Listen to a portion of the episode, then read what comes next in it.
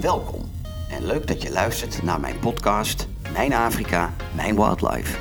In deze podcast vertel ik persoonlijke verhalen uit 30 jaar exclusieve natuur- en wildlife reizen in het ongerepte Afrika. Graag deel ik mijn expertise en ervaringen met gepassioneerde safari-liefhebbers. Dit vooral om te inspireren hoe we met elkaar iets terug kunnen doen voor de natuur, haar wildlife en de lokale bewoners. Hoe plan je nu eigenlijk een duurzame safari-reis? En hoe kun je een positieve impact achterlaten in fragiele natuurgebieden op dit overweldigende continent? Ik ben geen wetenschapper. Ik ben ook geen bioloog. Ik ben wel een ervaringsdeskundige op het gebied van duurzame en exclusieve natuur- en wildlife reizen. Ik ben de safari-expert Frank Ransijn. Dit is mijn podcast, Mijn Afrika, Mijn Wildlife.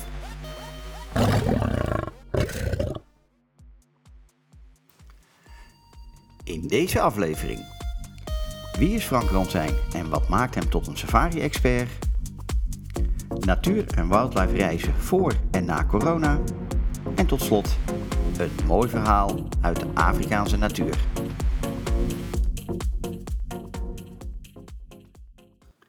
Zoals gezegd, mijn naam is Frank Ransijn.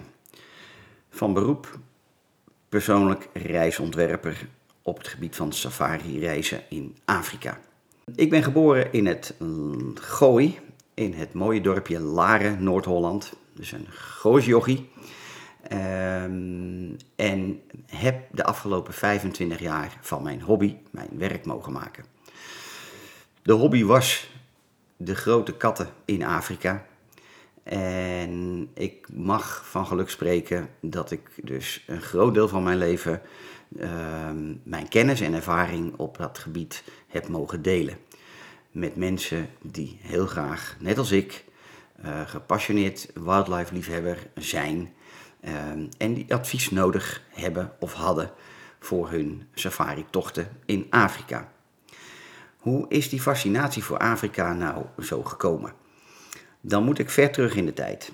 Ik weet uh, van mijn vroegste herinneringen dat ik als kleine jongen, van ik denk rond een jaar of 8, 9, 10, uh, lid van de bibliotheek in Laren, uh, al thuis kwam met boeken over leeuwen, tijgers, cheetahs, luipaarden, noem het allemaal maar op.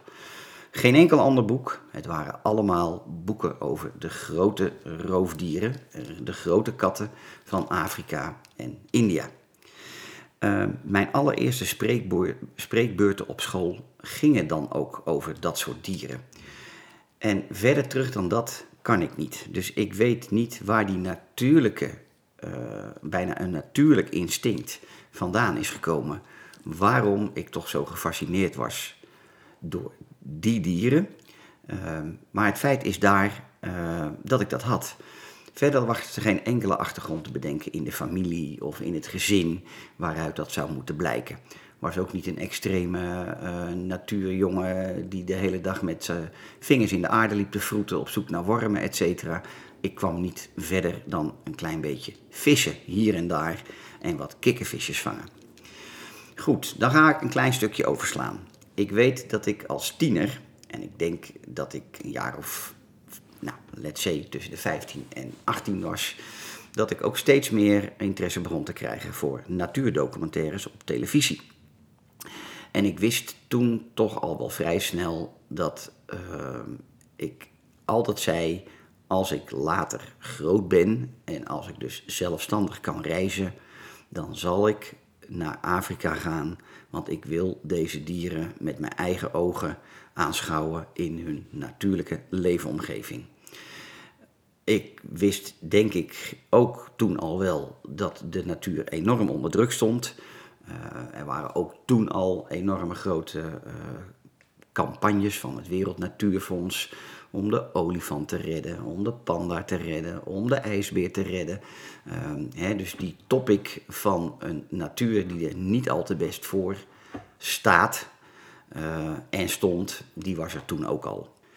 Mede hierdoor heb ik denk ik het gevoel ontwikkeld dat ik heel graag ergens in mijn leven iets wilde doen met natuurbehoud en wildlifebehoud. Dat ging niet op een manier uh, zoals je dat dan misschien zou kunnen bedenken. Van ga een studie volgen en uh, zorg dat je uh, ja, daar ook je werk in vindt. Um, helaas was me dat niet gegeven. gezien een aantal ontwikkelingen en, en vakgebieden waar ik niet zo goed in was op school, waardoor ik het wel kon vergeten om de bioloog te gaan worden die ik misschien op jonge leeftijd gedacht had te zullen worden. Dat neemt niet weg dat er meerdere wegen naar Rome leiden en ik in aanraking, of ja, ik een vriendinnetje kreeg. Die was werkzaam in de reiswereld. Uh, werkte voor een redelijk exclusieve en luxe reisorganisatie. Waardoor wij, of mede door haar natuurlijk, dat ik de kans kreeg om eindelijk voor het eerst mijn eerste reis en reizen naar Afrika met haar te kunnen maken. Nou, we hebben een aantal reizen gemaakt, waaronder Zuid-Afrika en Kenia. Ehm, en ja, dat waren waanzinnige ervaringen waarover ik graag meer vertel in een andere aflevering. Um, na die eerste reizen was mijn voorliefde voor Afrika en voorliefde voor natuur en wildlife inmiddels zo groot geworden um, dat ik uh, daar eigenlijk wel iets mee moest doen. En ik gekscherend op een dag uh, gesolliciteerd heb bij een specialistische uh, reisorganisatie voor safari-reizen in Afrika. En dacht, daar word ik toch nooit aangenomen. Ik had geen enkele opleiding vanuit toerisme of wat dan ook. En deed een beetje gekscherend een poging. Wat schetste mijn verbazing? Ik werd aangenomen. En dit was dan ook het moment dat ik kon zeggen dat ik van mijn hobby mijn werk gemaakt had. En dat is dus 25 jaar geleden.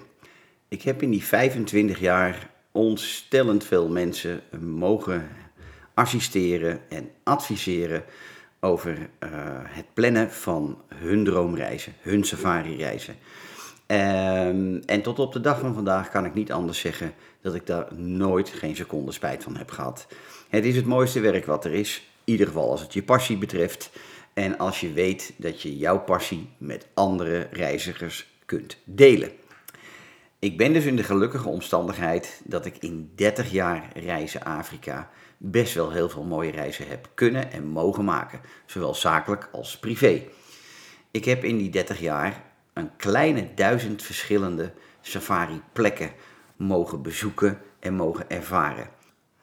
En dit hele uitgebreide referentiekader maakt mij dan ook tot de safari-expert die ik nu ben.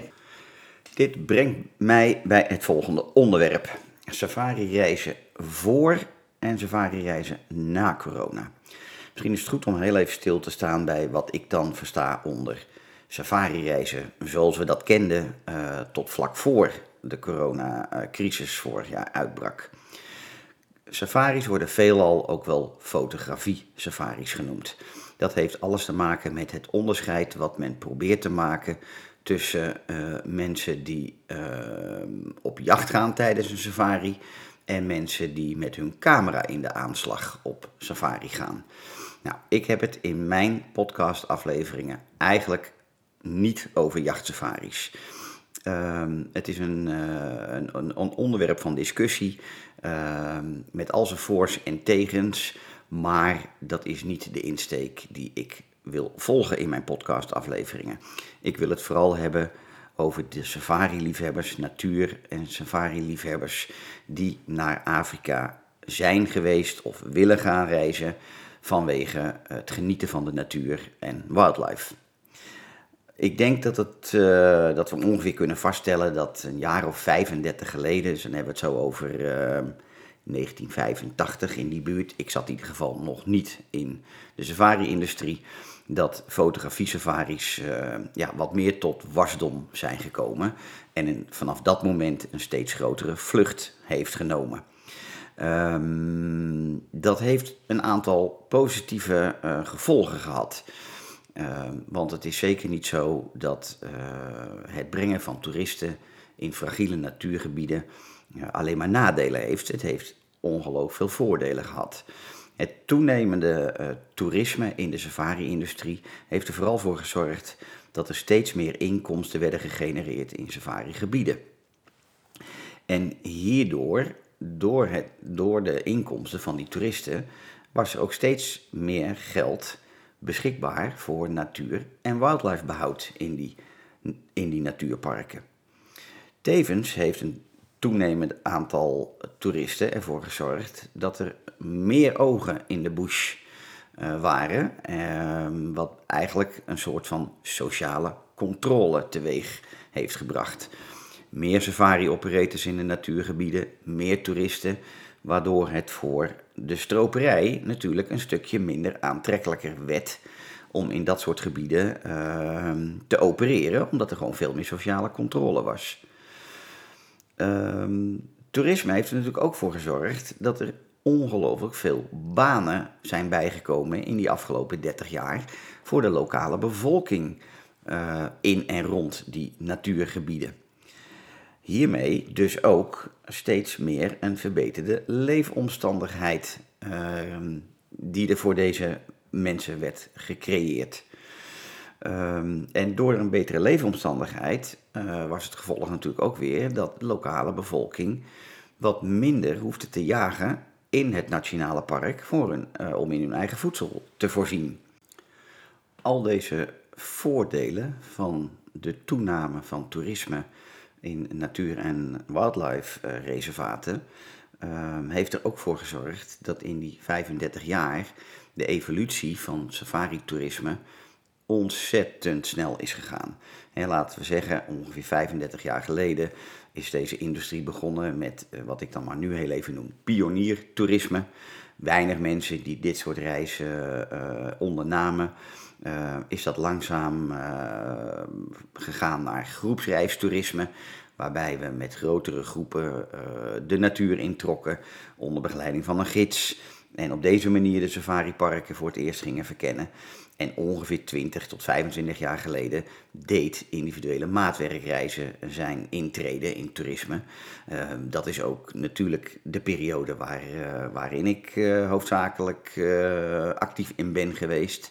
Ehm, en dat zorgde ervoor dat we van vrij eenvoudig, avontuurlijk toerisme, wat absoluut ook enorm veel charmes had, uh, in rap tempo uh, veranderde naar een veel luxere vorm van toerisme. Met de komst van steeds meer toeristen en steeds meer geld uh, in safari-toerisme um, werden de safari-kampen en safari-lotjes die gebouwd werden ook steeds luxer. En het is natuurlijk uiteindelijk ook een, een kwestie van uh, vraag en aanbod. Uh, en de, de luxe reiziger uh, ja, die verzocht ook gewoon om veel meer luxe in de bush. En toch te kunnen genieten van al die prachtige dieren in, in die natuurgebieden. Um, de afgelopen vijf tot acht jaar zien we echter weer een kentering ja, in deze ontwikkeling.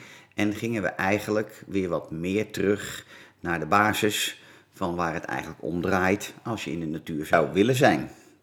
Dit is tevens het moment dat um, ja, op een serieuze manier conservation travel uh, zijn intrede deed. Waarbij um, ja, eigenlijk de safari-liefhebber en de safari-reiziger naar bepaalde wildgebieden toegingen. Waarmee uh, tevens een grote bijdrage wordt geleverd aan de verschillende natuur- en wildlife behoudprojecten van de plek die men zou uh, bezoeken. We noemen dit nu ook wel sustainable tourism, waarbij het voor reizigers steeds belangrijker wordt om tijdens hun reis een positieve impact achter te laten op de bestemming uh, ja, die, je, die je bezoekt. Zijn er dan ook uh, nadelen te noemen aan de ontwikkelingen van safari-toerisme in de, afgelopen 30 jaar? Die zijn er zeker. Uh, ik noem er een paar. We hebben natuurlijk door toenemende aantal reizigers wereldwijd, maar ook naar Afrika, hebben we te maken gekregen met overtoerisme op bepaalde plekken en in bepaalde natuurreservaten. De toename in safari-toerisme heeft er ook voor gezorgd dat we een, een, een ander fenomeen de kop op zagen steken, wat we ook wel de pet farms noemen, of aaiboerderijen in het Nederlands. Uh, hè, waarbij je met uh, leeuwenwelpjes of cheetahwelpjes op de foto kan. Uh, dat soort projecten, speciale fokprogramma's om maar dieren te kunnen uitzetten op plekken dichtbij stedelijke bevolking, waar toeristen dus op een vrij korte afstand van bepaalde gebieden waren, zodat ze in ieder geval toch ook een aantal van dat soort dieren zouden kunnen zien. En dat allemaal alleen maar ten faveur van het toenemende toerisme. Een volgend nadeel wat ik graag wil noemen is uh, de intrede van het woord ecotourisme van, nou wat zal het zijn, 15 jaar geleden. Waardoor uh, iedereen meelifte op het fenomeen dat ze met duurzame uh, toerisme, duurzaam toerisme bezig waren en duurzaam wildlife toerisme bezig waren. Maar we weten allemaal in dat dat in de praktijk helemaal niet zo uh, was voor iedere safari-organisatie. Een vierde nadeel betreft dat de focus van de safari-toerist in de afgelopen jaren, eh, en dan heb ik het wederom weer over die afgelopen 10 tot 20 jaar, enorm is veranderd. De safari-toerist uh, focuste zich steeds meer op het altijd maar willen zien van die Big Five in al die verschillende natuurgebieden. Hierdoor werd de druk om te leveren bij die safari-organisaties uh, werd steeds groter. En dat betekent ja, dat er ook in de natuur een steeds brutaler gedrag ontstond om die gast, toerist, maar aan die Big Five te helpen. Uiteindelijk was voor die gids het allerbelangrijkste dat als die gast naar huis ging en die Big Five had gezien, uh, zijn fooi daar uh, uiteindelijk hoger door wet. Het vijfde nadeel dat ik graag wil noemen, um, heeft gewoon te maken met dat steeds meer safari-toeristen ook betekent dat er steeds meer interactie ontstaat tussen mensen en dier. en dat zorgt er weer voor dat we tegenwoordig steeds meer te weten komen over uh, het principe zoonosen, wat eigenlijk betekent ja, de overdraagbare ziektes tussen mens en dier, ja, die steeds vaker voorkomen. Dat is ook de reden waarom de afgelopen, of de laatste paar jaar, toerisme rondom de chimpansee- en gorilla-families in Afrika uh, al werden uitgevoerd met mondkapjes op. Vanwege dat die mensapen ontstellend vatbaar zijn voor menselijke ziektes. Nou ja, en als we dan tot slot uh, even nadenken waar corona uh, door is ontstaan, in ieder geval dat is volgens mij tot nu toe uh, de slotconclusie, dan weten we allemaal dat dat ook te maken heeft met diezelfde zoonose. Wat zijn nu de gevolgen van corona in safari-toerisme? Ja, die zijn zo voor de hand liggend. Ik noem een, een aantal punten toch even op. Uh, corona heeft er gewoon voor gezorgd dat toerisme voor ongeveer 90% is weggevallen.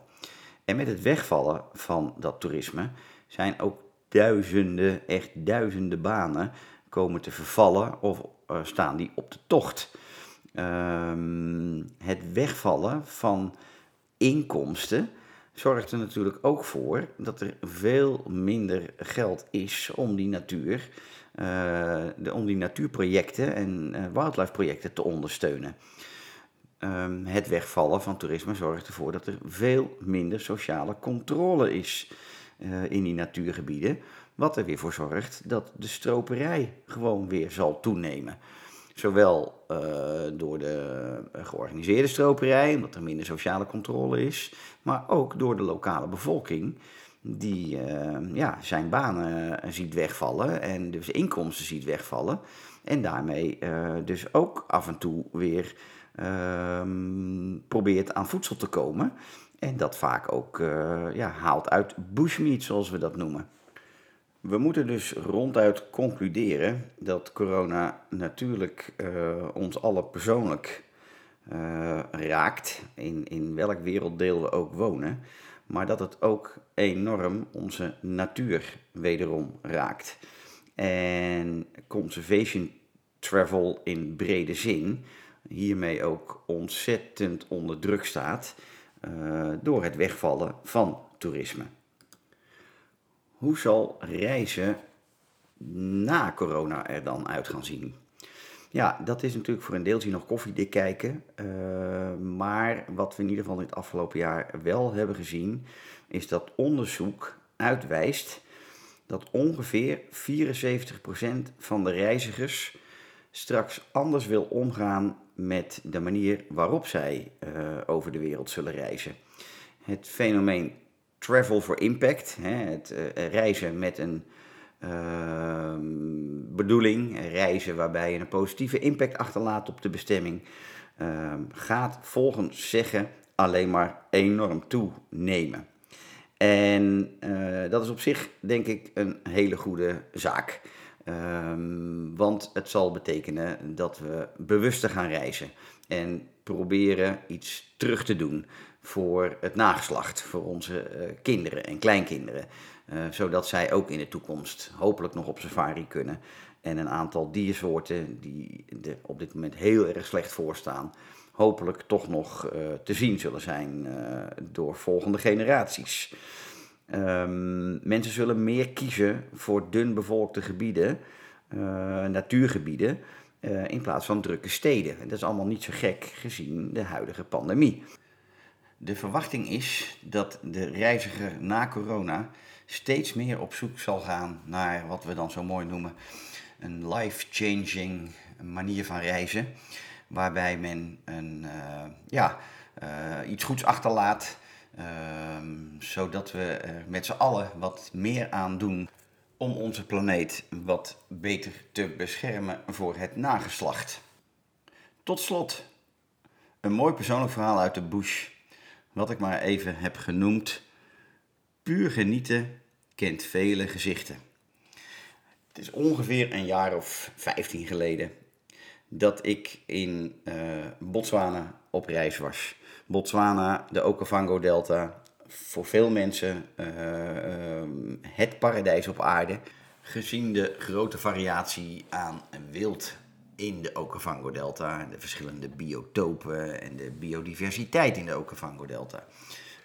Zoals het gaat wanneer je verblijft in een exclusief safari-verblijf Um, waar nog heel veel Brits-koloniale uh, tradities in ere worden gehouden, verzamel je als safari-gast smiddags rond de klok van kwart over drie, half vier uh, weer uh, in de publieke ruimte voor de high tea.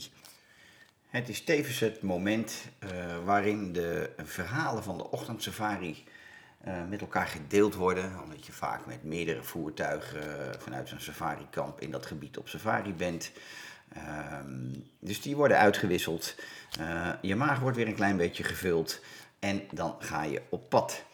We hadden een geweldige gids, Floyd genaamd. Floyd was een jonge gozer, vol enthousiasme.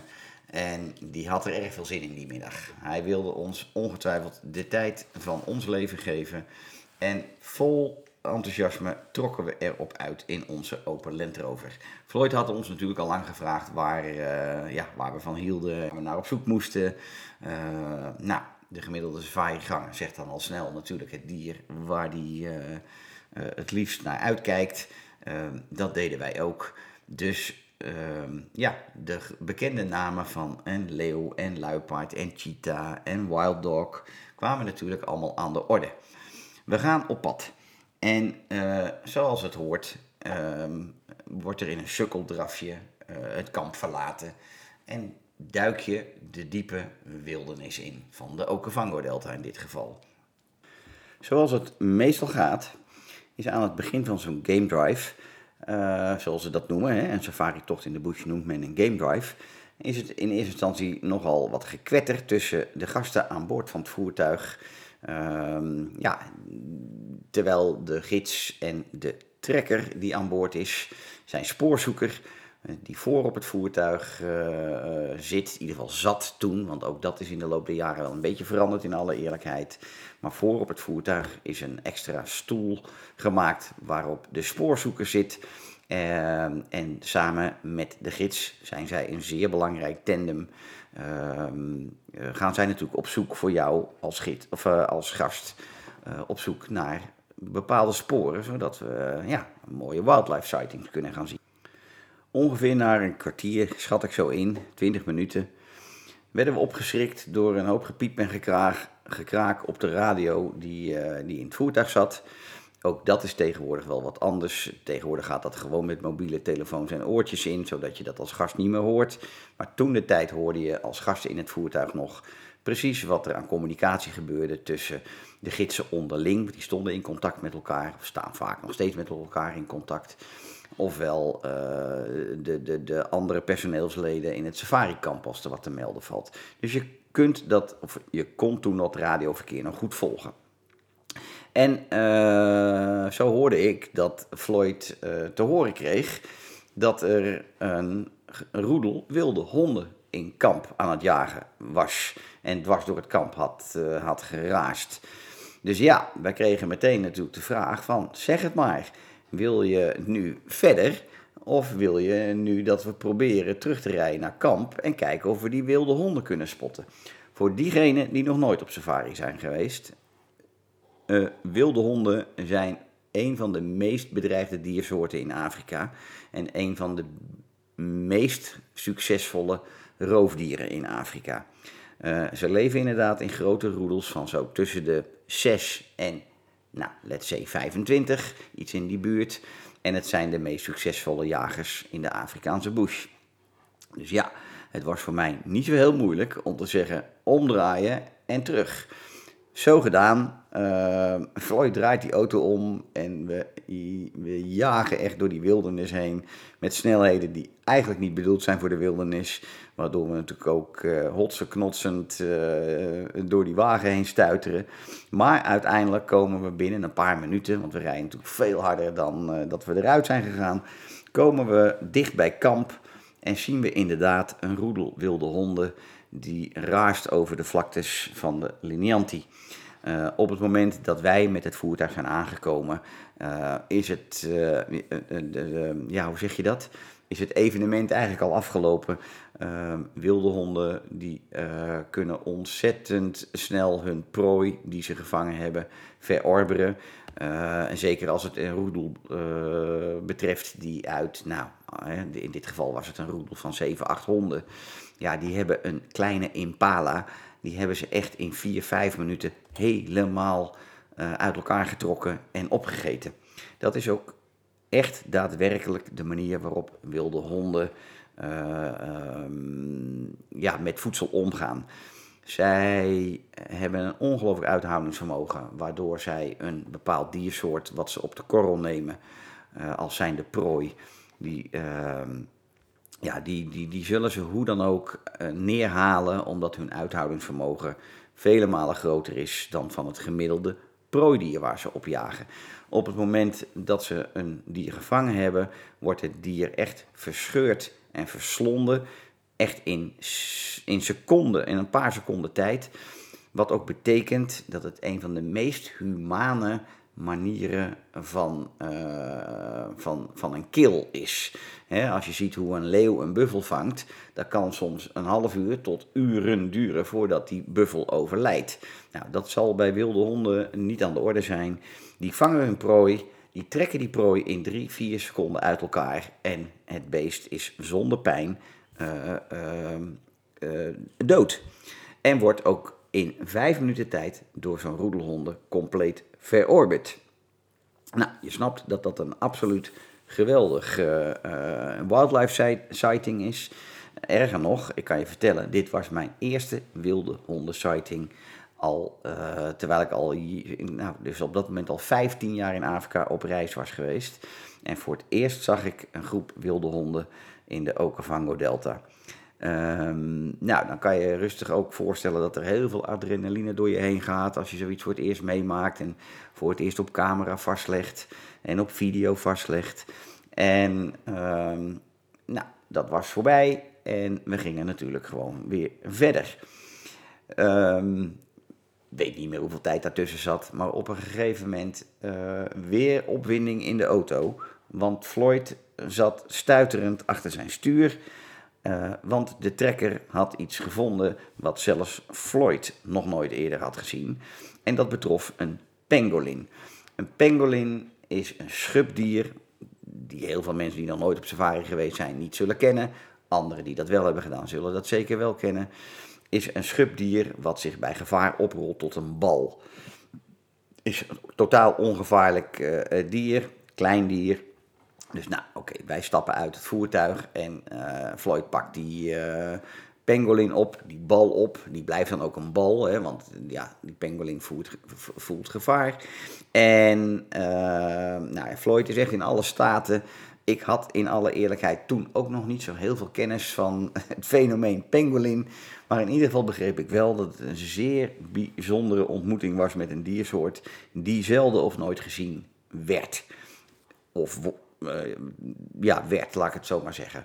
Uh, er zijn op dit moment ook weer plekken denkbaar uh, waardoor, waar we de kans op het zien van pangolin kunnen vergroten. Dat heeft veel met onderzoek te maken en programma's die er lopen naar pangolins, maar dat even terzijde. Dus we maken weer foto's en Floyd legt een pen naast die pangolin, zodat je een beetje de verhouding kunt zien. Hoe groot is zo'n pangolin als hij in een bal is opgerold?